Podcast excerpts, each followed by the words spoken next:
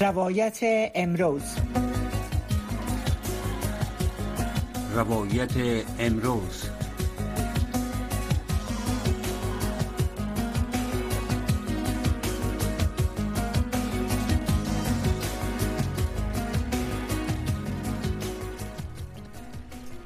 بینندگان و شنندگان محترم سلام. به برنامه روایت امروز خوش آمدین. نجیبه خلیل هستم. طبق معمول در روزهای سهشنبه موضوعات مرتبط به زنا را در افغانستان وضعیتشان به بحث می‌گیریم و همچنان موضوعات روزه. امید است که با صحت و سلامتی نزد رادیو نزدیک رادیوها و تلویزیون هایتان نشسته باشیم. در این برنامه امروز از خانم شهلا فرید دعوت کردیم که استاد پیشین فاکولته حقوق دانشگاه کابل دعوت کردیم که با ما باشند و وضعیت در مجموع وضعیت زنها را به بحث بگیرن. خانم فرید مثل روی خط هستین سلام. خوش آمدین به برنامه. من سلام دارم به شما و تمام شنوندای محترم. سلامت باشین. در یکی از خبرهایی که حتما شما هم شنیدین و در سرویس های خبری بود امروز در رابطه با می جنبش زنای مقتدر افغانستان. البته یک خبری در اون مورد داریم. ضمن یک مقدار در رابطه با می بیجا شدگان, بیجا شدگان نه دیگه بلکه مهاجرین افغان که تقریبا یک میلیون و هفتصد هزار نفرش پاکستان می‌کشه که خبرهای داغ در چند روز هست که در اینجا یک تعداد زیادشان کسایی که پیش از که با افغانستان هم اینا برن. باید یک مقدار اما اسناد و اینا است که اینا خانه پوری کنن و منتظر هستن در ترخم سرحد ترخم و بخشای دیگه. با کمال تاسف دیده شد که مردم به نهایت به مشکلات زیاد مواجه هستند. اکثریتشان حتی خیمه ندارند در مو هوای سرد و شمال و وضعیت خراب و مخصوصا در این میان از خانم ها و اطفال کسایی است که بسیار بیشترین صدمه ها رو می‌بینه موجودیت نبود وسایل صحی بهداشتی یا بگیم اینا مثلا نتا گفته شد که آب خب آب آشا میدنی درست نیست گرم گرمی خو اصلا به حساب برق اینا هیچ چیزی نیست. مسئله عدم موجودیت حتی تشنابا یک جای مناسب که تا همی خانم ها زنای که اونجا هستن بتانن و این برشان بسیار زیاد مشکل است. سر از می‌خوایم که بحث که اول یک کوتاه چون موضوع داغ روز است می‌خوایم نظر شما را دایی داشته باشیم. اکثرا خود می سوال برانگیز است که چرا پاکستان در در این مرحله تصمیم گرفت که این مهاجرین افغان بکشه. یک تعداد زیاد از کسایی است که در موج تولد شدن. اصلا اینا ندیدن روی افغانستان و یک تعداد دیگه که بسیار نگران کننده است که کسایی که اونجا در پاکستان منتظر هستند که به کشور سیوم انتقال داده شوند.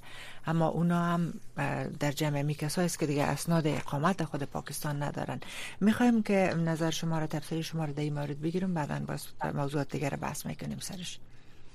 بله بار سلام مجدد ببین من فکر می‌کنم بیرون کردن مهاجرین افغانستان از پاکستان دو, دو جنبه داره بله. یکی جنبه سیاسی داره و دیگر جنبه حفظ امنیت در داخل خود پاکستان است که پاکستان به نوع امنیتی های آخر کشور خود حکومت موقت پاکستان مرتبط می‌سازه با افغان بله. با وجود که طالبای پاکستانی در خود پاکستان اینا ایجاد شدن همونطور که در بین سرحدات افغانستان و پاکستان اینا طالبای افغانستان تقویه کردن تولیدش کردن و آموزش دادن از لحاظ تکنیکی همکاری کردن. در پالوی از طالبای خود پاکستانی هم از امو آموزش و همکاری های پاکستان حکومت پاکستان برخوردار شد.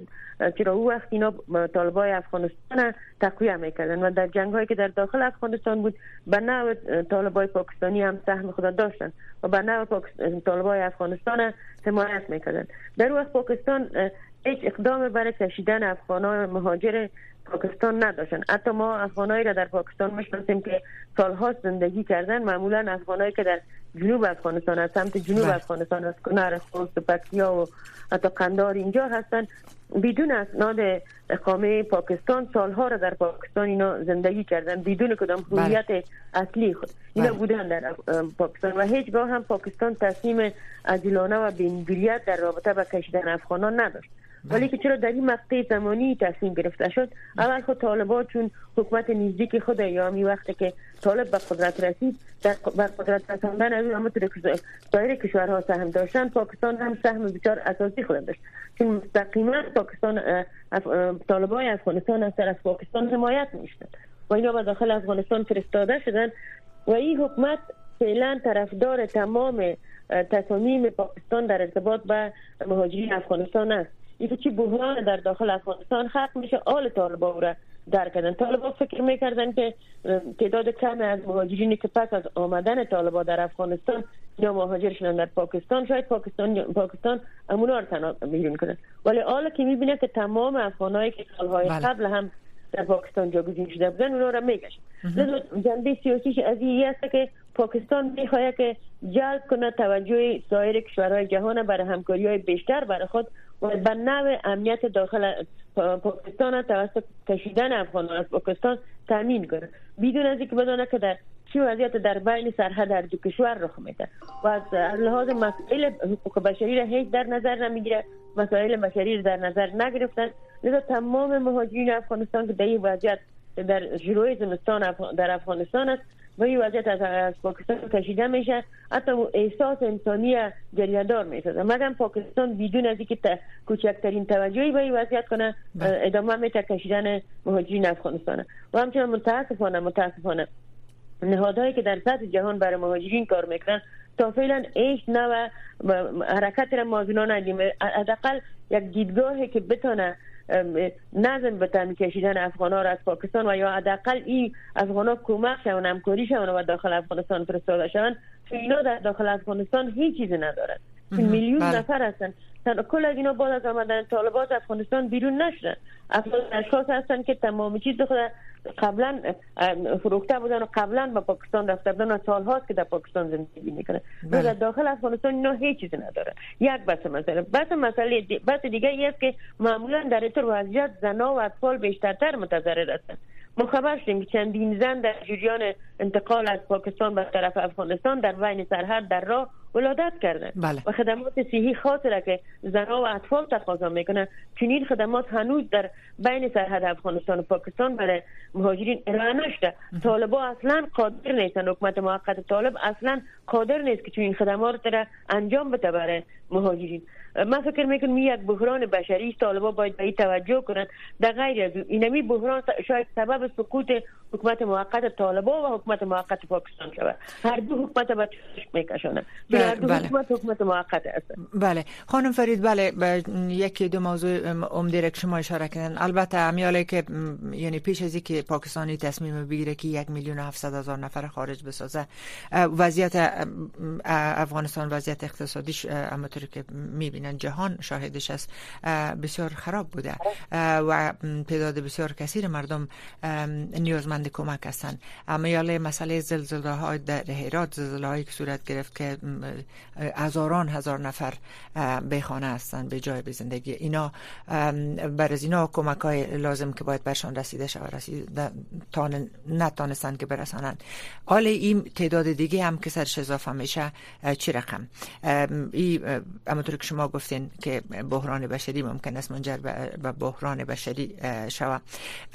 یک اشاره دیگر شما داشتین که گفتین که یکی از دلایلش ممکن ای باشه که پاکستان بخواه که زیادتر کمک های جهانی را جلب کنه به این خاطر.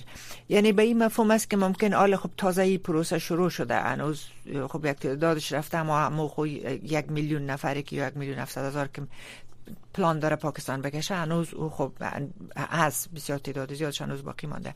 آیا فکر می‌کنین که در این مرحله اگر جامعه جهانی که شما گفتین تا حالا طور شاید باید چی کاری انجام نداده اگر اینا به پاکستان بگن خب توقف کنن از این ای پروسه را و اینا کمک می‌کنه برشان یک کمک بسیار انگفت. البته شما فکر می‌کنین که پاکستان تغییر نظر خواد داد در تصمیم خود تغییر ایجاد خواهد کرد؟ ببینید من فکر می‌کنم که پاکستان با بحران اقتصادی و هم مواجه هست و مشکلات در بله. داخل پاکستان است از اون انکار کرده نمی‌تونیم. و در این حال که فعلا یک حکومت موقت در پاکستان هم تشکیل شده. از لحاظ سیاسی از لحاظ امنیتی پاکستان با مشکلات خود مواجه است ولی ما به عنوان یک حکومت مستقل یک دولت مستقل پاکستان به این نقد کرده نمی‌تونه که چرا مهاجرین می‌کشه. هر کشور با بله. حفظ قواعد بین المللی می‌تونن. مهاجرین بپذیرن می‌تونن مهاجرین بکشن. سال هاست که مردم افغانستان در پاکستان مهاجر هستن. ولی بحث ما است که بر از یک عنوان یک پروسه تشکیل می‌دادن و به قسم مهاجرین افغانستان از پاکستان میدون می‌کردن که مدیریت شده می‌دید توجه می‌کنن با طالبان به توافق می‌رسن. طالبان می‌تونستن زمینه های دوباره سکونت از افغان رو در افغانستان مساعد ساخته می‌تونن. و این در به مراحل مختلف در داخل افغانستان می‌تونن و این وضعیت که فعلا پاکستان اینا را می‌کشن ما فکر می‌کنیم یک گونه استفاده افزار سیاسی و برای رفع بحران اقتصادی خود از افغان هم استفاده کرده. ولی که چرا می‌کشن؟ ما می سوال از پاکستان کردن ما به عنوان یک طبیع افغانستان می سوال از پاکستان کردن نمی‌تونم.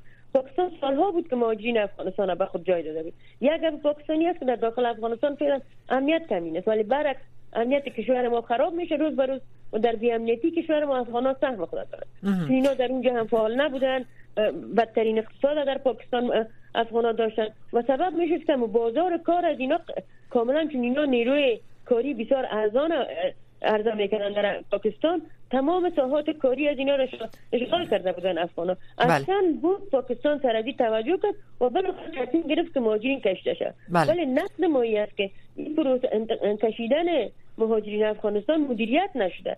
کشیدن از اینا با حالت بسیار اضطراری صورت می‌گیره. و در بدن کشیدن یک میلیون هفتصد نفر از خاک پاکستان و او داخل شدنش و داخل افغانستان هیچ امکان نداره یه حکومت بیپایه که طالب در داخل افغانستان تشکیلش کرده ای بتونه ایره مدیریت کنه. لذا من فکر می‌کنم که اگر جامعه جهانی برای مهاجرین به نوع کمک کنه و پاکستان به نوع کمک کنه که به مدیریت کشیدن از این مرحله تشکیل بدن و در مراحل مختلف اینا بیرون شود مقدار کمک هایی که سازمان مهاجرت جهانی بر یک مهاجر بر بازگشتش دوباره به کشورش همکاری می‌کنه اینا صورت بگیره و این همکاری شود بیرون شود و بعدا کمک هایی که برای پاکستان هم میشه. بله من فکر می‌کنم که اگر اینی کمک ها برای پاکستان آغاز شود و بر نوع بحران اقتصادی پاکستان کمک شود و یک امنیت در پاکستان تامین شود خام پاکستان وقت به مدیریت همکاری شود این در, این شروع زمستان توقف اگر نه حداقل منظم می‌سازی و مدیریت می‌کنه بله. فعلا اینا یک تصمیم گرفتن که به نوع پلیس پاکستان در داخل پلیس میره شبانه جزجو می‌کنه و از منا رو میگه بله در خانهشان میره. اینا رو انتقال میده به طرف بله. یک چیز دیگه هم است خب البته یک مسئله است که وقتی که دوج تولد شده کسایی که تولد میشه در کشوری که تولد میشه او به اصلاح شهروند از او کشور است. بر از اینا اینا هم اصلا اسناد برشان داده نشده. اونا هم اخراج می‌کنن. چنان چی گزارش های ما داشتیم اقتداد بسیار کسا سرم امی می‌گفتن که ما در پاکستان تولد شدیم. ولی چون از پدر و مادر افغان تولد شدن اینا باید ترک کنن پاکستان در حالی که معمول امیست که در هر جایی که زاده میشه در او کشور کشور شماست. یک تفسیر دیگه که اکثرا میشه ایست که میگن که پاکستان اصلا یک تعداد بسیار کسای از اینا که می چنانچه همین مثالی که دادیم. یک تعداد زیاد از پاکستانی ها را می‌خوان داخل افغانستان کنن چنانچه کسایی که کسی را به صفات شمال انتقال دادن هدف پاکستانی است که اساسا به خاطر از اینکه بیشتر جابجا خدا بسازن در بین پاکستان افغانستان اما خود پاکستانی را هم در جمع مردم و جمع افغان داخل افغانستان می‌کنن برحال می‌خوایم موضوع بحث تغییر میتیم سر از موضوع زنا تحت حاکمیت طالبا که بیشتر از دو سال شد. هنوز هم آن تقاضاهای جهانی اصلا هیچ اثر گذار نبوده.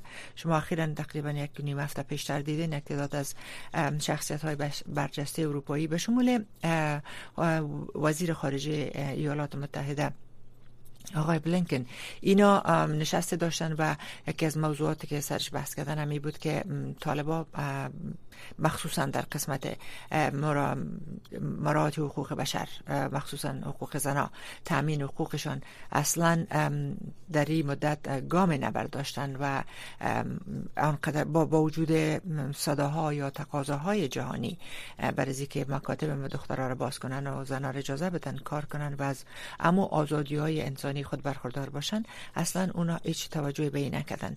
امروز جنبش زنای مقتدر افغانستان در یک اقدام اعتراضی نسبت به البته امی تداوم مسدود ماندن مکاتب روند توزیع کتاب به دخترها در کابل شروع کردن. این جنبش امروز البته با نشر اعلامی گفت که پس از دو سال محرومیت آموزشی و تحصیلی دختران زنان گفتن که حال برخی از اعضای جنبش زنان مقتدر آموزش و دانایی را به خانه های دختران می‌برن و همچنان این جنبش میگه که بعد از ماها انتظار بازگشایی دروازه برای بازگشایی دروازه ها در روزهای مکاتب و نهادهای آموزشی و تحصیلی برای تغییر مسیر رنج و مصیبت زنها. البته این اقدام اتخاذ کردن که اینا باید برن برای خانه به خانه برای دخترها کتاب بتن البته به گفته فعالان هدف اونا از این اقدام تلاش برای نجات یافتن زنا و دخترها از افسردگی است که یک تعداد زیاد گزارش ها که می‌رسه به است که دخترایی که محروم شدن از درس و تحصیل اینا یک تعدادشان. همونطور که شما هم در گذشته ایر اشاره کردین که به تکالیف روانی در نهایت جسمی اینا مبتلا شدن. البته یکی از اعضای ای جنبش اونا با صد امریکا صحبت کردن اما نخواستن که به خاطر امنیت خود اسم خود بگوین. بر رسم اعتراض و برخلاف محدودیت های وضع شده طالبا سر دخترها باز کتاب گفته کتاب های موفقیت و توانمندی زنها را به دختران گفت که اینا هدیه میتن. سوال اصلی امیس آقای خانم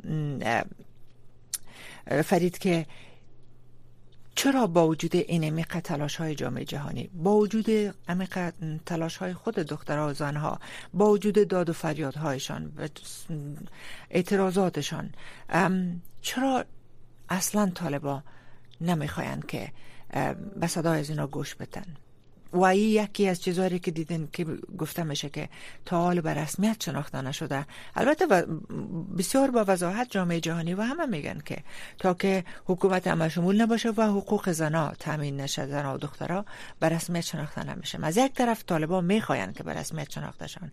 از جانب دیگه اینی چیزی که تمام نصف قش جامعه افغانستان خواهانش است کار تحصیل و مثلا نمو خود زندگی خود پیش بردن و عاید خود داشتن و یک آزادی نسبی داشتن. از خانه بتانن برن بدون محرم. مثلا در پارکا بتانن برن. تا از همام رفتن هماما محروم شدن اینا.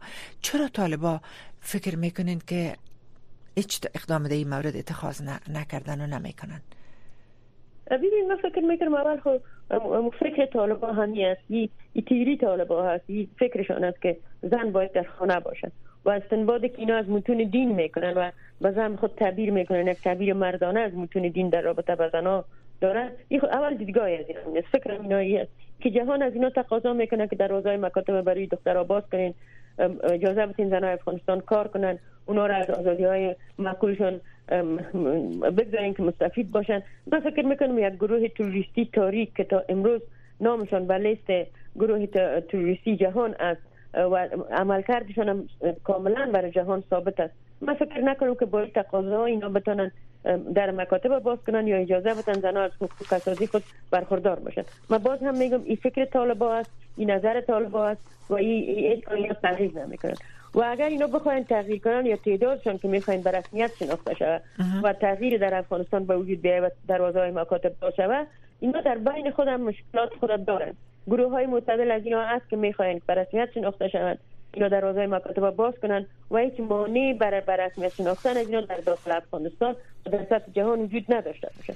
ولی سطح رهبری از اینا و مو ملاهای تاریک فکر که تحصیل هم نکردن در رأس مدیریت رهبری از اینا قرار داده شدن لذا اونا نمی‌خواین. زمانی که گروه در رأس هسته و قدرت هسته و اونا هنوز هم قدرت خود مستحکمتر میشه در افغانستان. هیچ گونه تقاضای من خودم هیچ نوع امیدی در با موجودیت اینا در سطح رهبری طالبا در کل در حاکمیت طالبا هیچ امید از این ندارم که مکاتب دخترها باز بله. در زمان حاکمیت اول از اینا ما در افغانستان بودیم این نظر از ایناست و هیچ تاثیری هم صدای جهان بر از اینا وارد کرده نمی‌تونه از این نباید انکار کنیم.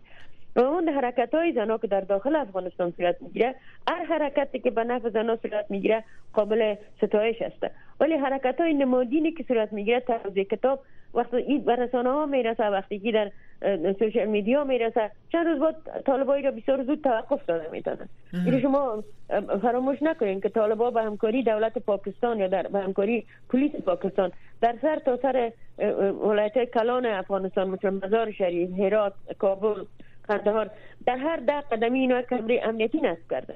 اینا حتی از خانه های مردم نظارت می‌کنن. اینا حریم خصوصی مردم کابل و ولایت کلان در نظر نگرفتن.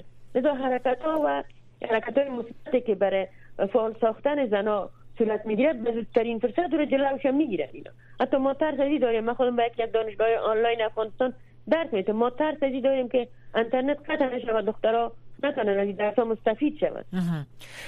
دخترها در جریان درس بسیار میترسن. حتی سوال نمی‌کنن.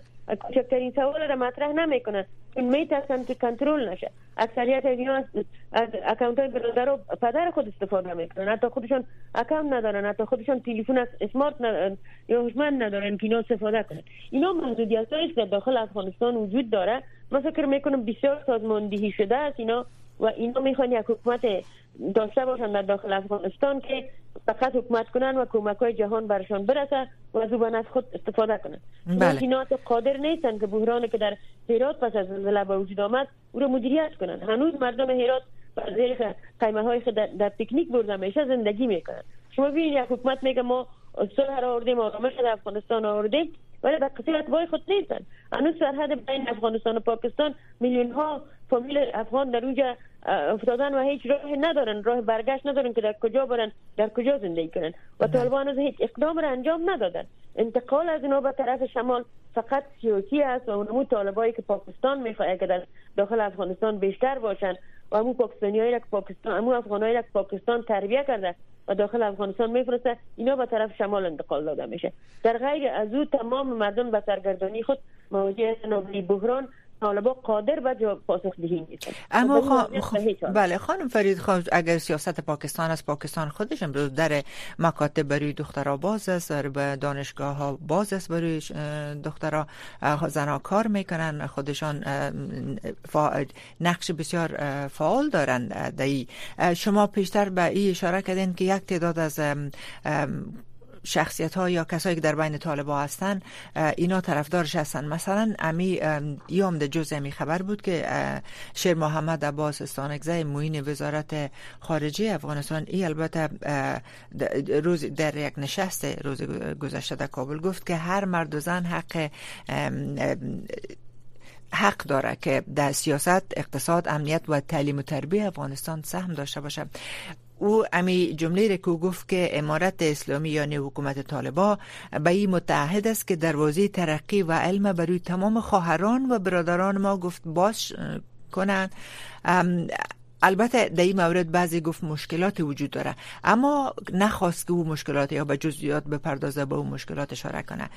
خب آقای سانکزه خودش امیری میگه که حق طبیعی ار و شرعی هر فرد است. چی زن باشه چی مرد. هیچ کس نمی‌تونه جلو از گفت بگیره. یعنی خود از این موین وزارت وزارت طالبای مکتبی هستن. بله. که دادن تک طالبای مکتبی و طالبایی که پس از به قدرت رسیدن داخل افغانستان شدن و تحولات ترقی که افغانستان در 20 سال داشت و زنان نقش بسیار اساسی را در در تغییر افغانستان داشتن وقتی اینا متوجه از این وضعیت شدن و خصوصا طالبای مکتبی بله. اینا خواهان از این چیز هستن ولی طالبای تاریک فکری که در رأس مدیریت حکومت از اینا قرار دارن اونا از امو از امو دیدگاه طالبانی به شکل مولایی خود بنیادگرانه خود. هرگز هم تغییر نمی‌کنن. اونا خود تغییر نمی‌تونن و نمی‌خواین که این بحران رفع کنن. خوی تغییر نکردن خانم فرید ببخشن البته ما با یک کسایی که صحبت کردیم که اینا نخواستن که نام خود بگیرن نفشا بشه از خود جمع طالبا که مثلا آیایی بر ضررشان شما تمام نمیشه ای که نصف قشر جامعه عرب 22 میلیون نفوس افغانستان اینا رو مطلق از از حذف هستن. گرچه که اونا میگن میگن که خب افوات است که دخترها اجازه ندارن که براین میگن بیاین شما خودتان ببینین کار می‌کنن زنا.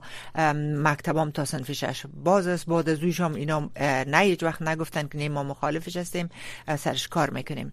ایره میگن. اما اقتدادی که باشان صحبت شدم ایره می‌فهمن میگن که ای تمام میشه.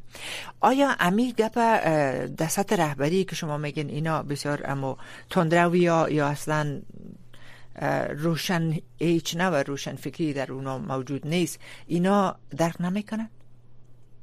من من فکر می‌کنم درک می‌کنن ولی چون نمی‌خواین که تغییری بر خود به وجود بیارن و اونا فکر می‌کنن که ما با می وضعیت می‌تونیم باشیم و اینا کابل و زمان گرفتن یا در داخل افغانستان شدن اینا به یک غرور کاذب مواجه خود سوال ما خانم فرید با معذرت سوال ما می است که آیا اینا میفهم می‌فهمن که ممکن است دوام نکنن؟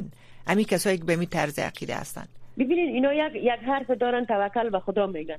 و هیچ هیچ حرکت را برای بله. مثبت بودن و فقط خودشون در قدرت هستن. و به این فکر نمی‌کنن که قدرت شاید بسیار کاذب باشه قدرت شاید بسیار وقت کم باشه اینا نخواهند که تغییر در افغانستان بین این میره اصلا فکر نمی‌کنن. اینا با غرور کاذب خود اینا مصروف هستن که میگن وقت ما 20 سال تانستیم جنگ کنیم و قدرت بزرگ مثل امریکا را شکست دادیم و داخل افغانستان شدیم. ما افغانستان هم بدون زن ها می‌تونیم داشته باشیم. اکثر تو گپایشون هم میشنم میگه ما بدون زن می‌تونیم افغانستان بسازیم و به جهان نشان میتیم که زن بر خانه در خانه باشه طفل به دنیا بیاره و به خدمت مرد باشه. و ما اینو در جهان ثابت می‌سازیم چون دین ما اینو گفته. تعبیر خودشون از دین نمیگه لذا من فکر می‌کنم در بین خودشون هم مشکل چنین مشکل یک تفرقه را ایجاد کرده یک فرق در بینشون به وجود آمده یک تفاوت بینشون به وجود آمده.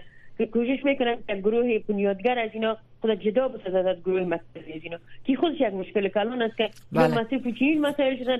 فعلا اصلا اصلا به عنوان بشر مردم افغانستان برای اینا خدمت نمی‌کنن. امیال بس صدها مشکل داخل افغانستان وجود دارد. اینا با فکر از که طالبای پاکستانی چیزی تصفیه کنن.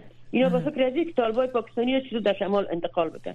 یعنی اینی یک درد مردم افغانستان دوا نمی‌کنه بجز از اینکه جنگای داخلی را دامن بزنه در داخل افغانستان. ولی چون تصمیمشون اینه میره نمیاد اونو رو دوام میده من فکر می‌کنم در کوتاه مدت در دراز مدت اگر اینو بانن یک ضرر کلان نه تنها برای منطقه میرسانه بر خود افغانستان میرسانه میرسانه ضرر ازی به منطقه هم خود رسید. موضوع است از کشورهای جهان در ارتباط اینو تصمیم خود گرفت. و همونطوری که شما پیشتر اشاره کردین گفتین گروه بنیادگرایشان. اینا هم ممکن گپ از اینا حرف از اینا اصلا تأثیر گذار نباشه که با رهبرای خود بشینن و به صورت منطق منطقی صحبت کنن که اینمی ای, ای طرز روش ممکن است که به نقص و به ضرر حکومت طالبا تمام شود.